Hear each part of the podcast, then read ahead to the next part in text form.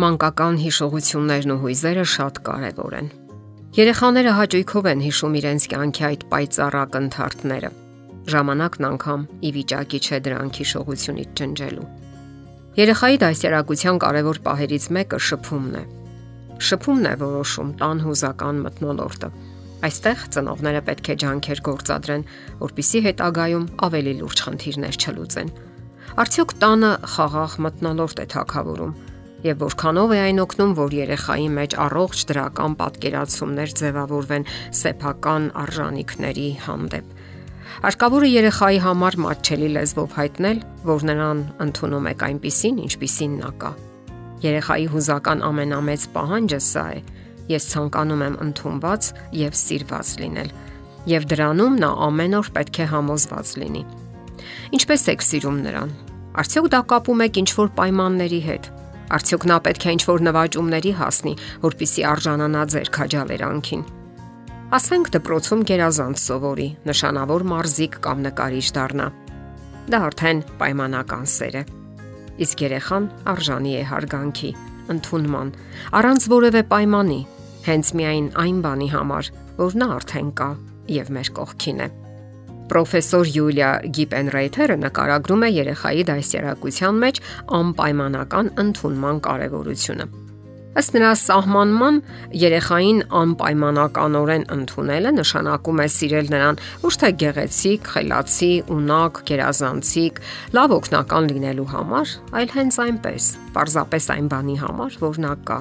Ըստ նրա, երեխայի անպայմանական սիրո դրսևորումների բացակայությունը հանգեցնում է հուզական խնդիրների, վարքի շեղումների եւ նույնիսկ հոգեկան խանգարումների։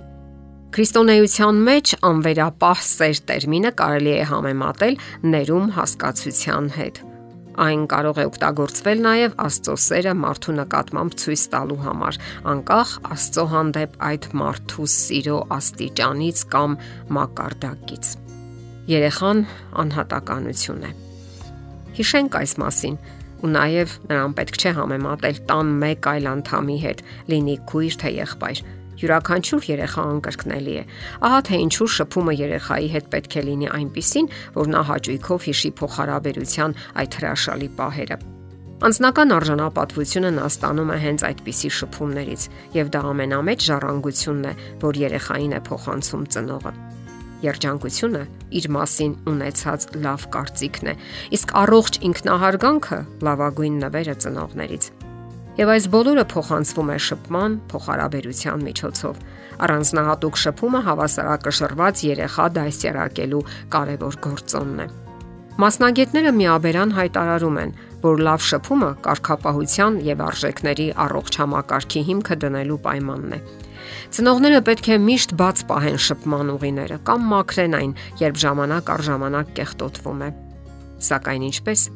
Թեև չկան այնպիսի բանաձևեր, որոնք աշխատում են բոլոր դեպքերում, սակայն գոյություն ունեն առանձին սկզբունքներ եւ ցուցիչներ, որոնց պետք է հետևեն ծնողները։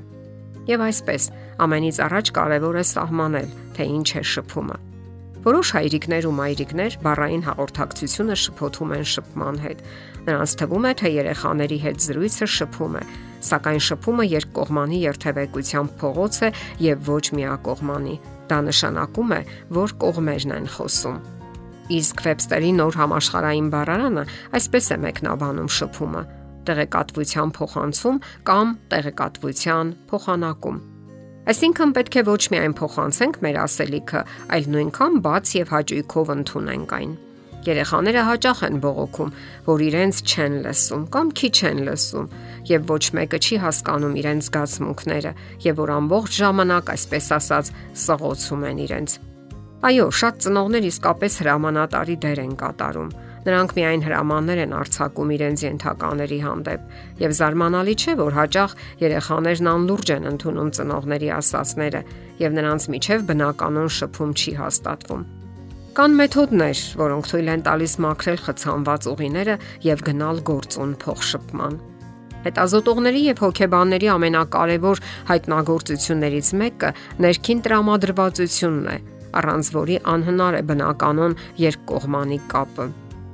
դա բարյացակամությունն է կամ բարեհաճությունը։ Մեզանից շատերը ենթադրում են, որ երեխայի բնավորության ճիշտ զարգացման համար մենք պետք է նրան ասենք այն, ինչը նրա մեջ դուրս չի գալիս մեզ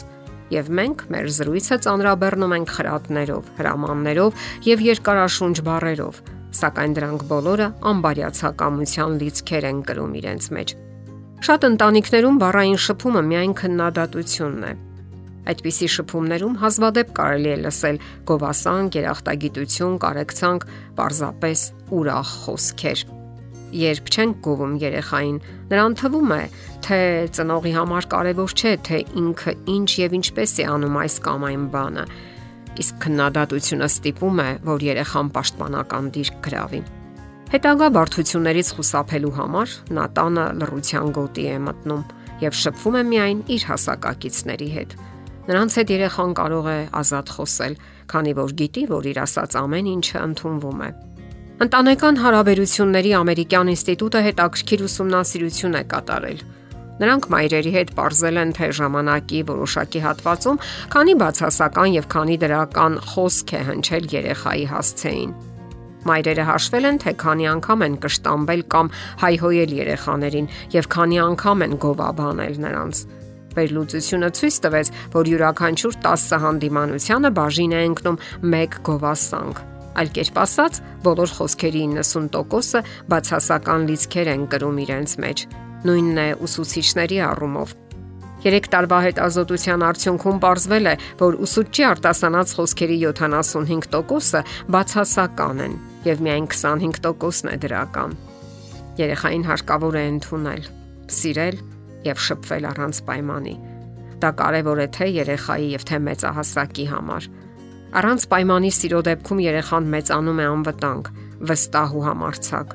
Նա իրեն պաշտպանված է զգում, պաշտպանված ծնողական ոչ պայմանական սիրով։ Եթերում ընտանիք հաղորդաշարներ։ Ձեզ հետ է Գեղեցիկ Մարտիրոսյանը։ Հարցերի եւ առաջարկությունների համար զանգահարել 033 87 87 87 հեռախոսահամարով։